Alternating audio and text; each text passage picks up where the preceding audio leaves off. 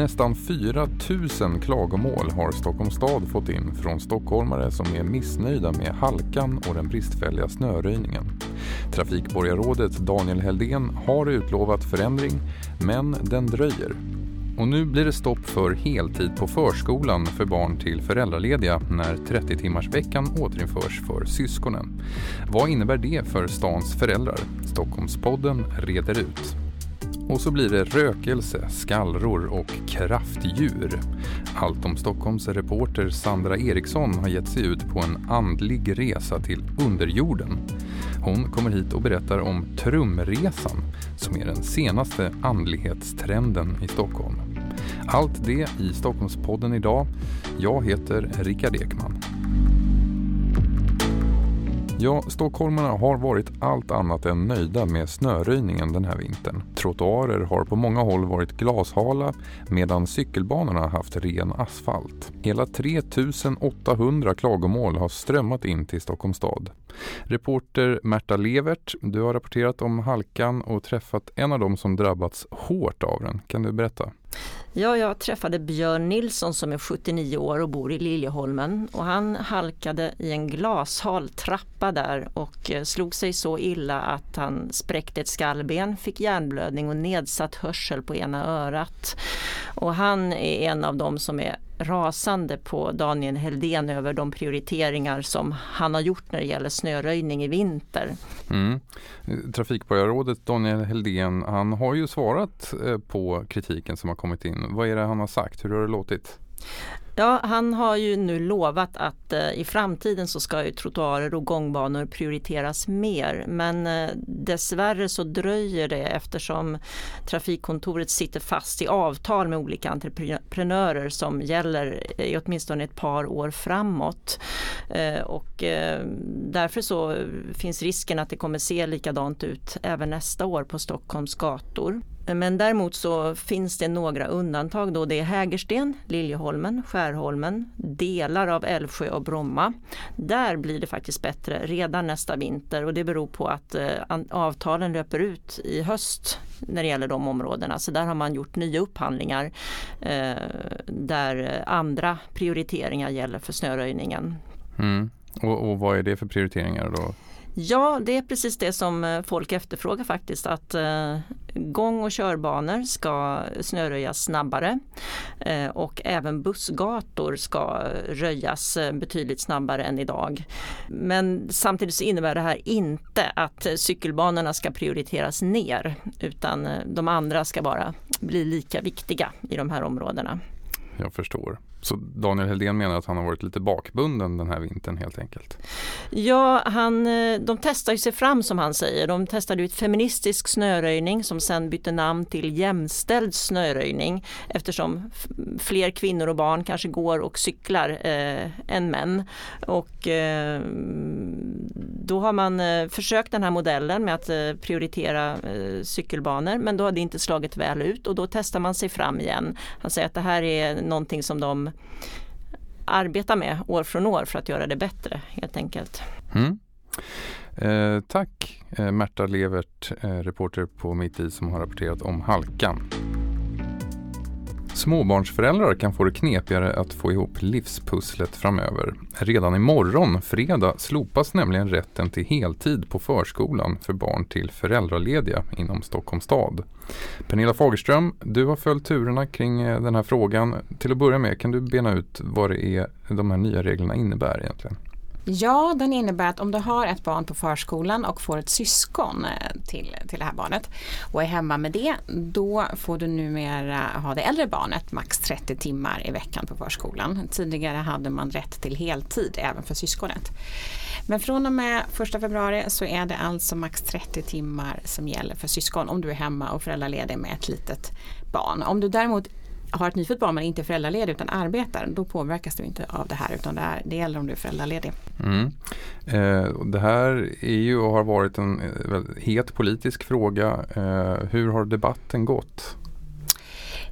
Alliansen har ju drivit det här. Det var den förra majoriteten som införde helt, rätten till heltid även för eh, barn till föräldralediga. För dem var det en, en rättvisereform att alla barn ska ha rätt att gå heltid på förskolan.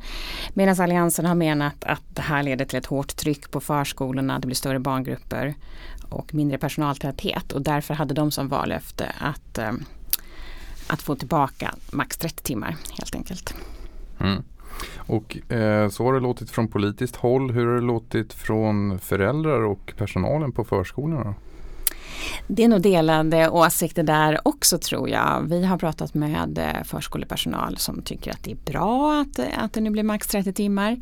Samtidigt att det, det, här ska träda i kraft väldigt snabbt. Beslutet fattades formellt i måndag så nu ska det börja gälla redan imorgon. Bland föräldrar är det nog också olika åsikter. Vi äh, träffade en mamma som är egenföretagare och har svårt att vara föräldraledig på heltid. Och ehm, för henne så blir det här väldigt knepigt. Hon tycker att det här är en kvinnofälla. Medan det finns andra föräldrar som tycker att det ehm, är liksom rimligt att ha det eller syskonet max 30 timmar om man är hemma med en liten bebis. Så det är nog olika åsikter. Tack Pernilla Fogelström, Mitt Is reporter som har rapporterat om den här frågan. Har du haft problem med att hitta ditt inre kraftdjur? Då kanske rökelse, trumslag och en schaman är vad du behöver. Andligheten har fått ett uppsving i Stockholm och den senaste övernaturliga trenden är att ge sig ut på en så kallad trumresa till underjorden. Och Allt om Stockholms reporter Sandra Eriksson har prövat på just det och du är här nu. Kan du berätta till att börja med, vad är en sån här trumresa för någonting? Ja, det är ju en eh, shamansk metod för att eh, guida sig tillbaka in i sig själv hitta sitt inre kraftdjur, sin inre energi kan man säga. Eh, och det går till som så att det är en eh, shaman som eh, trummar i ett särskilt tempo eh, som ska hjälpa till att få ner hjärnvågorna i teta som är ett eh, väldigt avslappnat tillstånd precis mellan eh, ja, man sover inte riktigt men man kan få väldigt eh, fantasifulla bilder i det tillståndet. Och det är där som man kan då ta sig ner i den undre världen. Ja, de. och träffa ett kraftdjur alltså som alla då ska ha inom sig.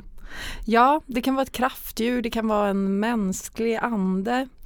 Men eh, tanken är att man ska kunna ha de här som en guide som man kan ställa frågor till. Eh, men vår intention var ju bara att hitta det här kraftdjuret till att börja med. Ja, och du har ju som sagt gjort den här resan mm. själv, eller i alla fall försökt. Hur gick det? Hittade du ditt inre kraftdjur? Jag, jag vågar inte svara ja på det. Jag fick upp eh, lite bilder. Eh, man blir väldigt avslappnad men jag kan inte säga om jag, om jag sov och drömde eller om eh, ja, vad det nu var för någonting Jag kunde inte riktigt minnas allting när jag vaknade heller, eller när jag kom tillbaka. Kom tillbaka så du upplevde ändå att du kom iväg på någon typ av resa och nådde någon form av avslappning. Det är väl ändå huvudpoängen? Ja, jag var väldigt, väldigt stressad när jag kom dit. Eh, så när vi var klara så kände jag mig väldigt avslappnad och då hade det bara gått en kvart.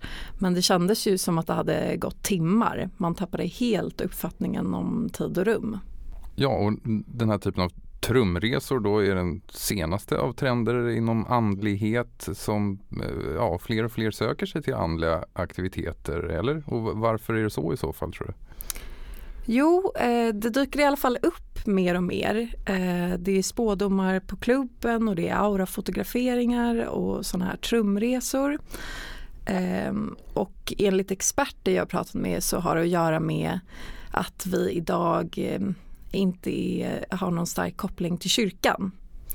Det är så pass sekulariserat. Eh, men att man fortfarande har ett mänskligt behov av att eh, tro på någonting och hitta mening med någonting. Så då söker man sig till eh, ja, alternativa andliga företeelser istället. Mm fyller det andliga tomrum, tomrum som kyrkan lämnat efter sig alltså. Ja. Är teorin där. Eh, ja, och kanske kan en schamanledd trumresa vara en lagom aktivitet inför helgen som kommer nu. Men eh, vi som är lite mer oandligt lagda kan nog ändå behöva lite mer tips om vad som händer i Nöjes Stockholm i helgen. Allt om Stockholms Sandra Eriksson, du är kvar hos mig här så då kan vi passa på att ta det. Vad, vad händer i helgen? Ja, det här händer väl inte riktigt i helgen, men den 5 februari då infaller det kinesiska nyåret. Och det tycker jag man kan passa på att smygstarta firandet av redan i helgen. Eh, vi har gjort en guide till eh, massa bra Kina-krogar i Stockholm. Eh, och på R Asia som ligger i Solna så kan man faktiskt redan nu fråga efter eh, en nyårsmeny. Så det kan ju vara en kul härlig aktivitet. Se där. Det kinesiska nyåret, då skiftar det ju från vadå, drakens år, råttans år, var är vi nu och vart är vi på väg in? Eh, vi är på väg in i grisens år kan jag säga. Okej, spännande. Ja, vad har du mer att bjuda på? Eh, Armémuseum på söndag visar Blade Runner. Det blir den första filmen i en serie om fyra där de visar dystopisk robotfilm. Mm -hmm. Så om man gillar sånt kan man dra dit. Blade Runner är en klassiker. Vad har du mer? Terminator? Terminator, Ex Machina med eh, Alicia Vikander där och eh, sen den senaste Blade Runner 2049 tror jag den heter. Just det. Och sen till sist så blir det After Ski-fest. After Ski? Ja, ja. mitt i stan. Eh, så om man känner att man saknar skidbacken och afterski så kan man dra till Late Night Club och ta på sig skidglasögon. Och, mm. Men det är inget krav på att man ska ha varit i skidbacken innan utan så länge man har pjäxor Nej, på sig. jag tror inte det. Jag, jag, vet inte hur de ska kolla det Nej. i. Får ta med liftkort. Ja, just det. Ja. Okej, vad bra. Eh, tack så mycket för den rapporten, eh, Allt om Stockholms Sandra Eriksson. Och vill du läsa mer om eh, till exempel den här guiden till Kina-krogar så kan du gå in på alltomstockholm.se och fler Stockholmsnyheter får du som vanligt på mitti.se. Du har lyssnat på Stockholmspodden från Mitt i Stockholm med mig, Rickard Ekman.